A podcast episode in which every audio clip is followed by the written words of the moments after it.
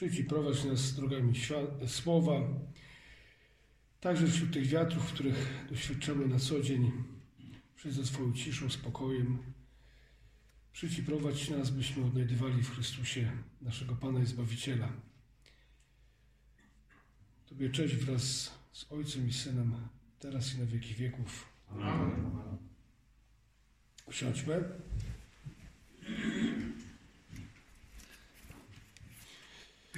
Parę myśli, parę dopowiedzeń, parę spostrzeżeń. Tak, pierwsza rzecz to mamy ten fragment nie w całości. To też y, jest pewna trudność, dlatego że jak ktoś ma Pismo Święte, to y, warto zajrzeć, co jest przed, przed danym fragmentem, i warto zajrzeć, co jest pod danym fragmencie. Mamy fragment mówiący o tym, że mnóstwo ludzi, tłum jest przy Jezusie. Rzeczywiście wielokrotnie jest tak, że tłum ciągnie do Jezusa z różnych powodów. Z różnych powodów. Najczęściej po to, by być uzdrowionym, po to, by być nakarmionym. Różne są motywy bycia przy Jezusie. Zatem e, jest ten tłum. Już widzimy, że powoli zapada wieczór, więc ten tłum trzeba odprawić. To jest też taka sugestia, że właśnie jest taki moment, kiedy trzeba odejść od tłumu. Odejść od tłumu. I apostołom jest to potrzebne. Na pewno pamiętamy ten fragment z Ewangelii w innym zupełnie miejscu, gdzie po wiele y, spędzonym czasie na głoszeniu słowa, na czynieniu cudów, kiedy naprawdę wiele znaków towarzyszyło działalności apostolskiej, Jezus do nich mówi: idźcie, odpocznijcie nieco, idźcie na miejsce pustynne, odpocznijcie nieco. To jest właśnie e, potrzeba, żeby człowiek umiał wyjść e, od tłumu, odejść od tłumu. I żeby było jasne, o to trzeba zawalczyć. Jest pokusa bycia ciągle w ruchu, ciągle w aktywności, ciągle bycia w tłumie. Pamiętam, że na mojej drugiej parafii w Rykach rzeczywiście wszedłem w bardzo duży wir takiej pracy duszpasterskiej. Udało się wiele dobra zorganizować i stowarzyszenie, które do dzisiaj zresztą istnieje. I szkoła muzyczna, niebieskie owieczki. Nigdy nie umiałem śpiewać, Pan Bóg nie dał mi takich talentów związanych z moim brakiem słuchu, przyjmując o głosie. Ale znalazł się człowiek, który zechciał to poprowadzić. Chodziło tylko, żeby to wszystko jakoś tak ogarniać. I wolontariat, i świetlica środowiskowa, wszystko naprawdę chodziło jak w zegareczku. Plus jeszcze służba liturgiczna. Nie, żebym się przechwalał.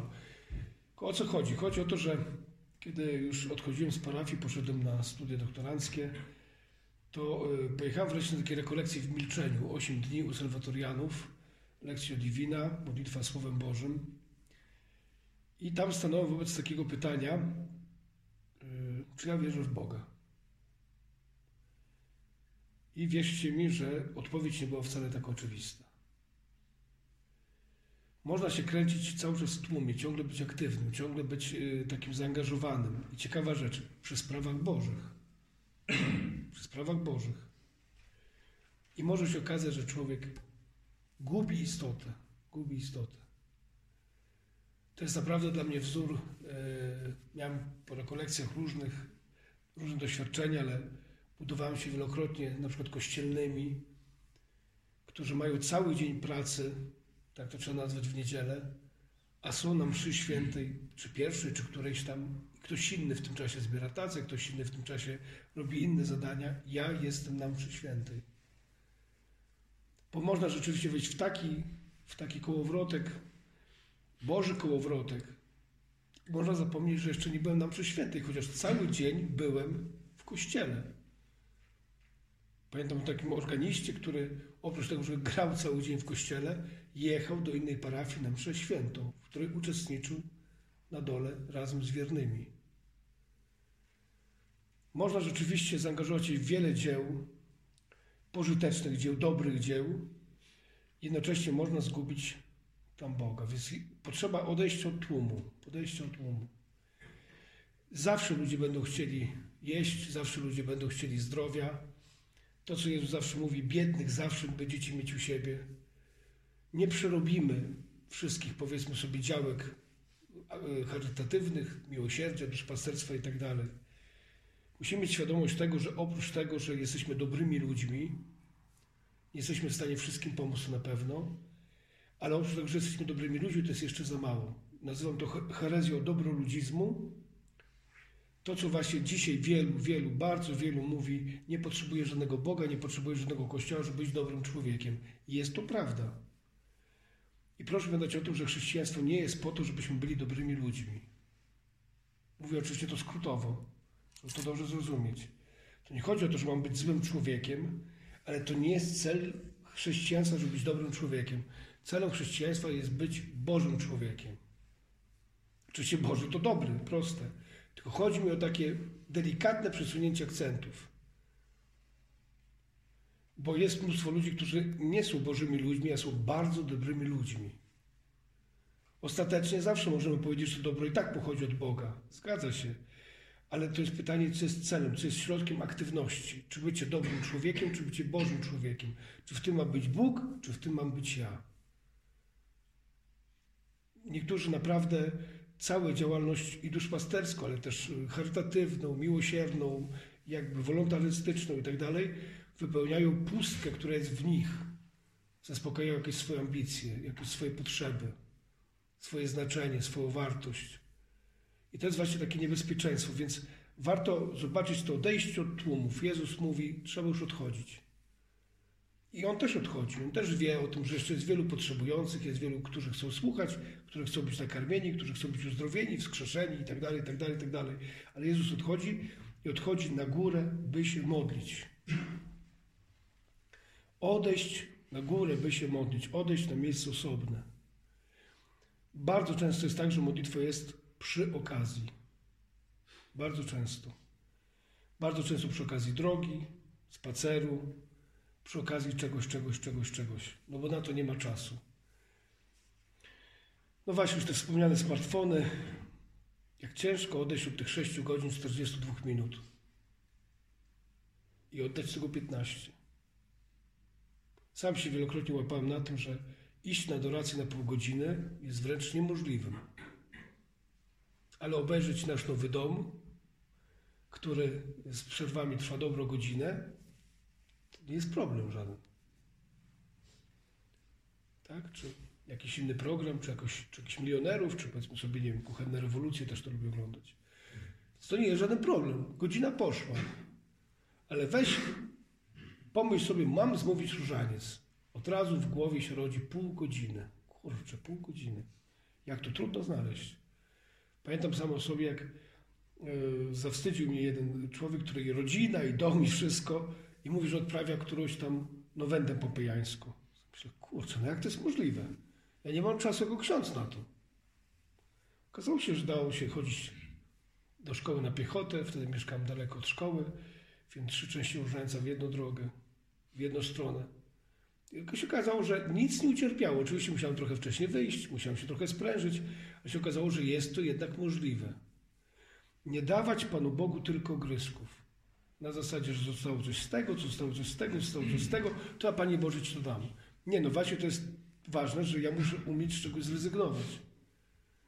Umieć z czegoś zrezygnować. Być tylko dla Pana Boga. Być tylko ja z Panem Bogiem.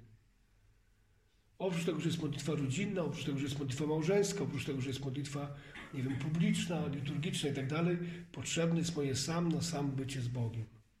Sam na sam.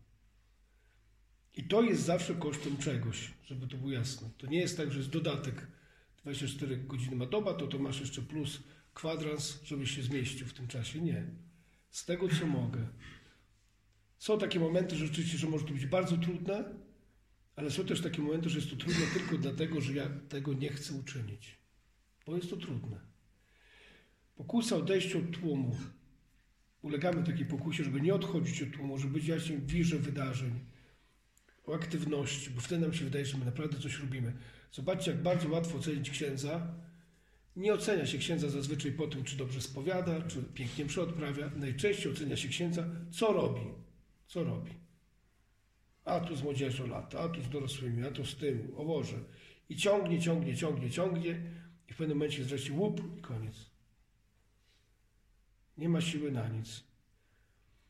Pamiętam, jak budowaliśmy no to stanicę harcerską, to pamiętam, że no właśnie tu była duża pokusa, żeby e, no iść w robotę od razu, trzeba robić, robić, robić, robić. A pamiętam, najpierw pomóc się brewiarzom, to co jest twoim obowiązkiem. Dopiero później iść do roboty. Bo Jak wejdziesz do roboty, to na to czasu już nie będzie. Właśnie, właściwie ustawić pewne priorytety, co jest ważne, prawda? Co jest ważne, co jest istotne, co jest mniej ważne, co jest na drugim miejscu. Już wielokrotnie o tym mówię, niestety się powtarzam, ale tak mnie to wkurza, irytuje i czasami aż jestem niegrzeczny w konfesjonale, jak ktoś mówi, że zapomina się modlić. Ostatnio pani powiedziałam w czasie konfesjonału, spowiedzi, ale była mimo wszystko dobra rozmowa. Powiedziałam brzydko, mam nadzieję, że będą słuchać na YouTubie się nie przestraszą, tego powiedziałam, dlaczego pani nie powie, że ma pana Boga w dupie? Ale jak się tak może? Ja w życiu tak wulgarnie by nie powiedziała. Ja mówię, proszę pani, kiedyś na lekcji uczennicy się gęba nie zamykała, ciągle gadała. Prosiłem raz, trochę spokoju, drugi raz spokoju, ona dalej gadała. Wreszcie powiedziałem, dlaczego masz mnie w dupie? Nie, no, jak to jest możliwe, jak się tak może mówić brzydko. Mówię, ty to mówisz, ale nie słowami. Powiedzieć, Panie Boże, wybacz te słowa, mam Pana Boga w dupie, no jest głupio. Ale mówię do tej Pani, niech Pani powie, o czym Pani zapomina. O sprawach mało ważnych. O tym się zapomina.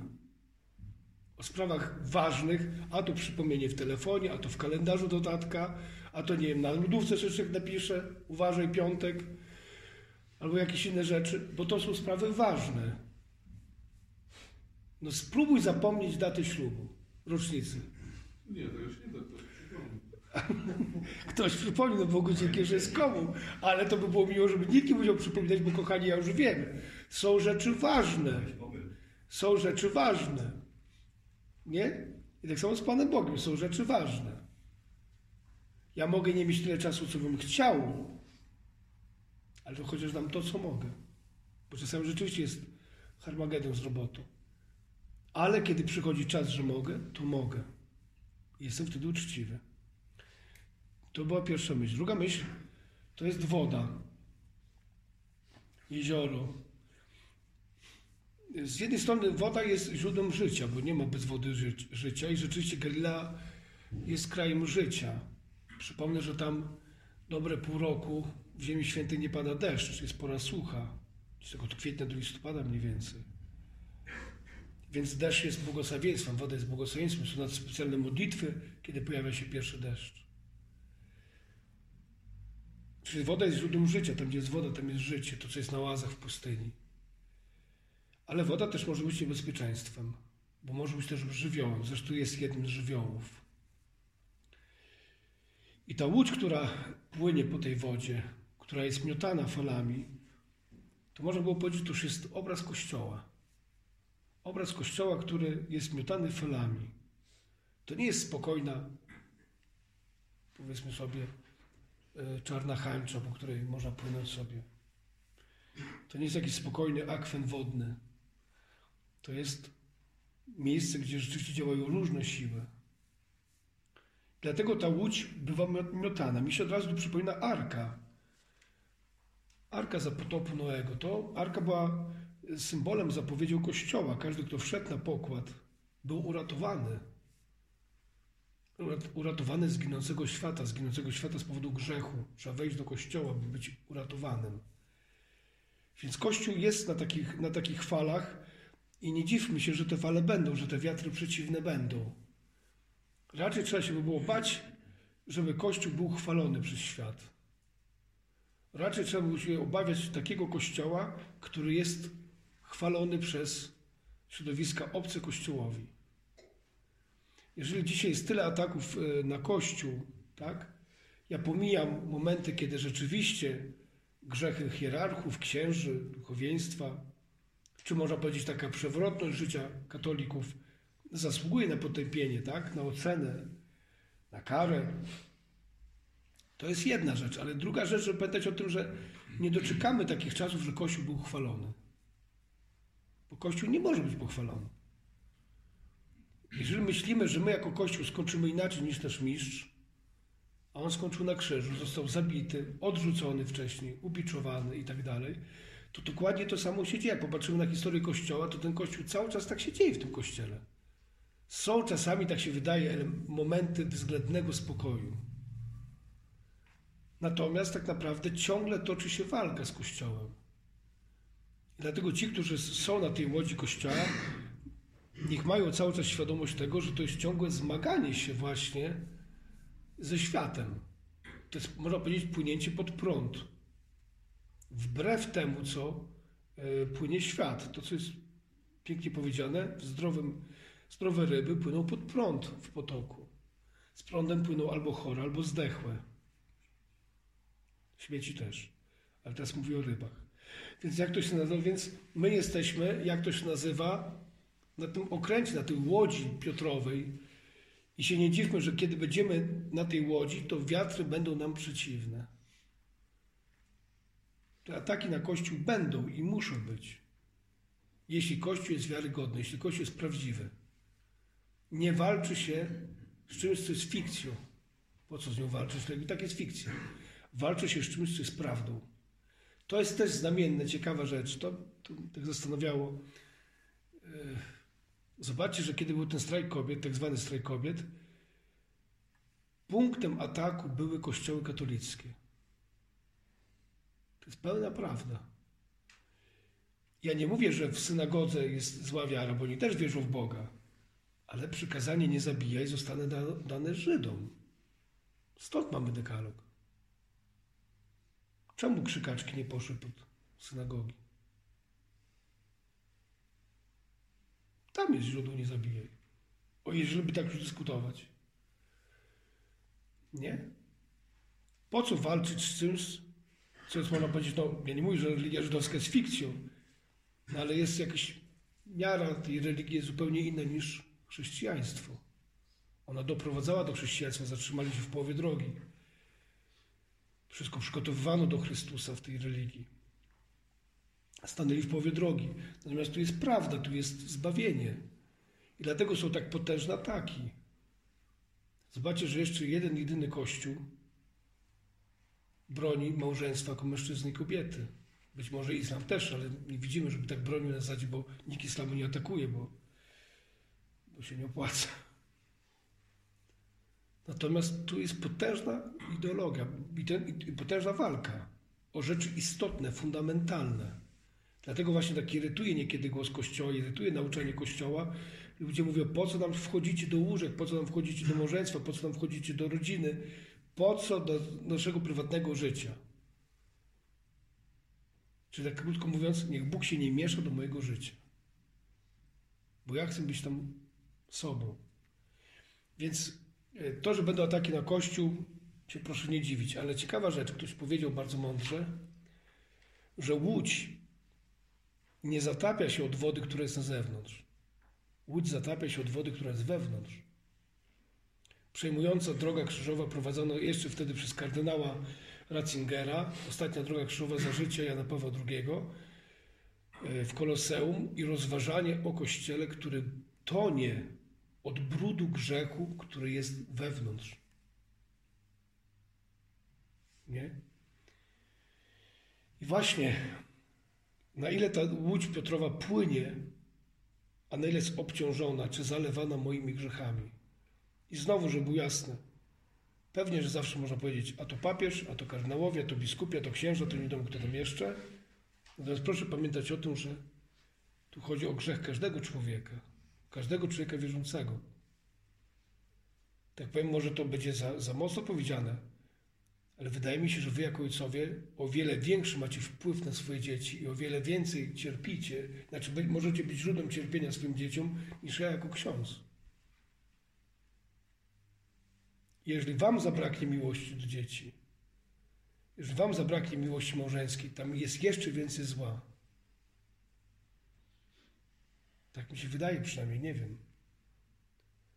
Rozmawialiśmy niedawno w pewnym gronie, akurat była kwestia aborcji, przykuje się do małżeństwa, już niedługo będą małżonkami. Mówię, no ale skutek gwałtu. Ja mówię, ale przecież dobrze wiecie, że gwałt nie jest tylko jak ktoś obcy gwałci. Może być gwałt w rodzinie. Mówię, czy to nie jest jeszcze boleśniejszy gwałt, że osoba, którą kochasz, która ma być z tobą do końca twoich dni, wymusza na tobie współżycie, wymusza, czy można powiedzieć, no krótko, gwałci cię. Ktoś, od kogo się nie spodziewasz, od ktoś, kto jest dla ciebie, można powiedzieć, taką ostoją bezpieczeństwa. Pewnie to głupio, ale ta dziewczyna mówi, nie, no, to, że to jest mój mąż. Ale co z tego, że jest twoim mężem? To jeszcze gorzej właśnie, bo to tu masz być bezpieczna. Broń Boże, nie chcę mówić, który gwałt jest łatwiejszy, to nie o to mi chodzi teraz, nie? Tylko teraz zobaczcie, nie? że tak samo tutaj w tej łodzi kościoła płyniemy, można powiedzieć, na tej samej szalupie, na tej samej łodzi. I tak jak ja odpowiem za swoje grzechy, za swoje zgorszenia, każdy z nas na tym odcinku, w jakim jest wszczepiony w Chrystusa, czy jest ojcem, mężem, kierownikiem, szefem, kimś jeszcze, odpowie również. I tak samo odpowiadamy za to, że ta łódź, szalupa kościelna tonie. Tak, gdybyśmy my jako chrześcijanie naprawdę właśnie żyli tym, czym żyjemy, czy co wierzymy, to naprawdę jesteśmy w stanie zmierzyć się z tymi, jak to się nazywa, wszystkimi przewrotnymi wiatrami, które będą na nas nacierać.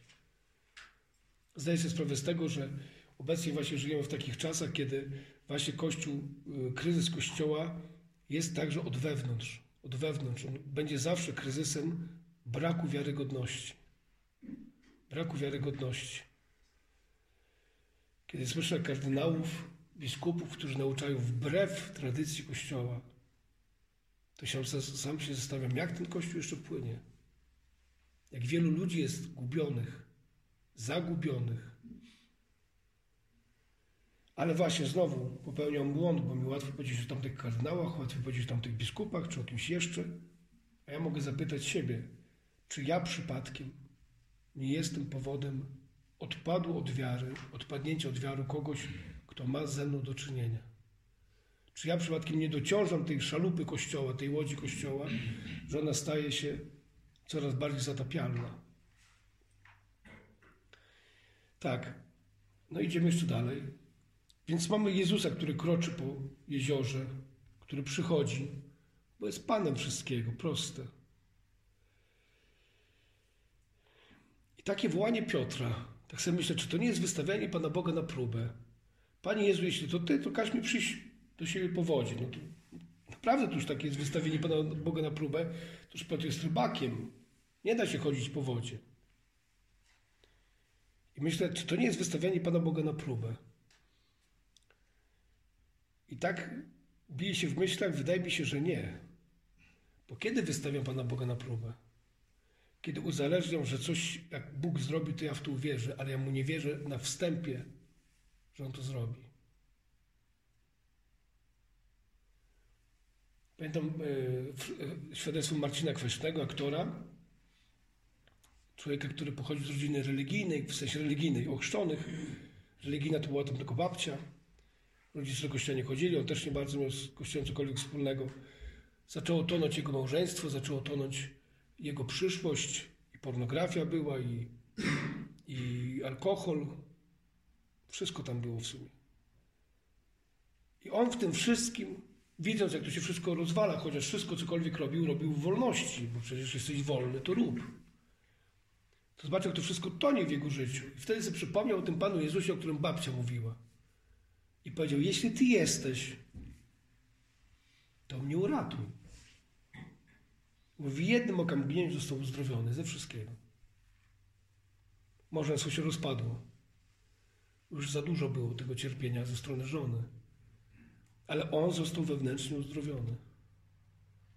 Ale on naprawdę w to wierzył, że Jezus jest w stanie to zrobić. Tak jak Piotr. Pójdę po tej wodzie. Przecież jest to nielogiczne, bez sensu. Pójdę, jeśli ty tak powiesz. Nie? Nie po fakcie uwierzył Jezusowi, on tu wierzył. A czasami właśnie jest takie wystawianie Pana Boga na próbę. Niech Bóg to zrobi, to wtedy uwierzy. Tak? Niech Bóg za- zadziała. Czasami mówimy, jakby mi się Matka Boska objawiła, albo Pan Jezus do mnie przyszedł, to ja wtedy bym zmienił swoje życie. No kurczę, zacznij zmieniać swoje życie. A nie jak ci się Matka Boska objawi. Albo jak Pan Jezus dzisiaj przyjdzie i powie dokładnie to, rób, rób to. Jak nie mam wiary, to nawet kiedy Pan Jezus przyjdzie, to i tak nic z tego nie będzie. Przecież patrzcie, ile osób było pod krzyżem. A ile osób? Tłum, tłum. Ile osób widziało, doświadczyło na sobie cudownego uzdrowienia, doświadczyło cudownego nakarmienia, rozmnożenia chleba i tak dalej. Jak wielu ludzi doświadczyło cudu. Dotykali Jezusa namacalnie. Byli bliziutko, a przyszło co do czego? Wraz odeszli. Nie mają wiary. Oni potrzebują czegoś od Boga, dlatego do Niego przyszli. Tak samo może być tu, prawda? Że ja mogę chcieć od Pana Boga, żeby załatwił mi konkretne rzeczy. I wtedy w Niego uwierzę. Jeśli zrobisz tak, tak, tak i tak, no to ja Ci uwierzę. Nie, no właśnie, zrób tak, jak Chrystus mówi, a w Twoim życiu zaczną dziać się rzeczy. Takie, które Bóg zapowiada. I jeszcze dwie, dwie myśli.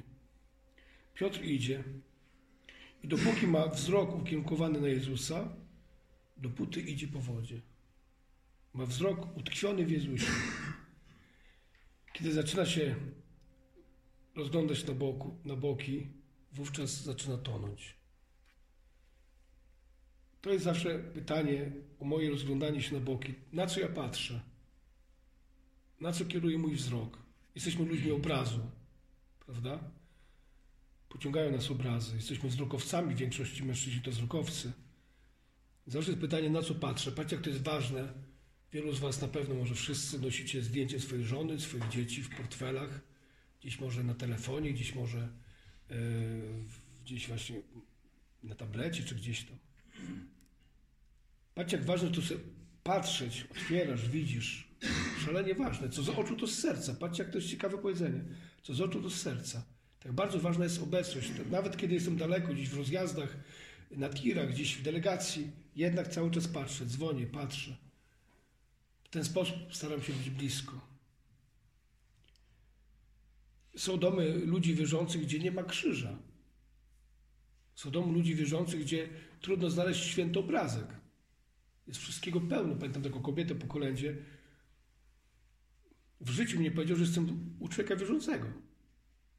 Tam na ścianie naprawdę te ściany aż kapały z tych różnych obrazów. Tam wszystko było.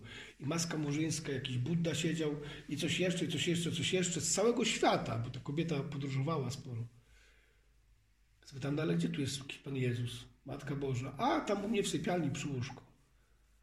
No dobrze, no ale jak ktoś wejdzie do tego pokoju, no nie chodzi po sypialniach, tylko jak ktoś wchodzi, to skąd wie, gdzie jest? Nie? Dlatego są potrzeba patrzenia na to, co święte. Patrzenia na Matkę Bożą, patrzenia na Pana Jezusa, patrzenia na mojego świętego patrona. Tak jak patrzymy na moją żonę, patrzymy na moje dzieci, tak samo patrzę na Matkę Bożą, patrzę na Pana Jezusa. Wzrok utkwiony. Pies, który gonił zająca, wpadł do wsi, przyłączyły się wszystkie inne psy, leciały, leciały, leciały, zając uciekał, psy leciały i psy powoli zaczęły odpadać. Te, które nie widziały zająca, odpadały. Gonił tylko ten pies, który widział zająca. Jak widzę cel, jak widzę dokąd zmierzam, to wtedy jestem w stanie ponieść trudy, żeby do tego dojść. A jeżeli nie widzę, jeżeli tylko się dołączyłem, jeśli gdzieś zasłyszane, gdzieś tam zasłuchane, gdzieś tam z daleka zamajoczone, to nie ma takiej motywacji. Nie? Jakbym powiedział, proszę bardzo, przepracuj jeszcze 3 godziny, tu masz 10 tysięcy leży. I kładę je na stół. Oho! Jak ja tylko powiem, dam ci te 10 tysięcy, może da, może nie da. Tu leżą. Działa to zupełnie inaczej motywacyjnie, nie? Na co patrzę, na co patrzę, gdzie kieruje mój wzrok? Gdzie kieruje mój wzrok? To też jest kwestia tego, i w kapłaństwie, i w małżeństwie również, gdzie kieruje mój wzrok. Czy czasami nie patrzę tam, gdzie nie trzeba? Proszę pamiętać o tym, że czasami zdrada zaczyna się od spojrzenia, od rzucenia okiem. Czułe słówko, miłe spojrzenie. I wystarczy, człowiek płynie. Człowiek się rozkochał w tych oczach. jak ona na mnie patrzy. Nikt jeszcze na mnie takie patrzy. Trzeba zobaczyć, na co patrzy. I rzecz ostatnia, bo już ziemniaki dochodzą.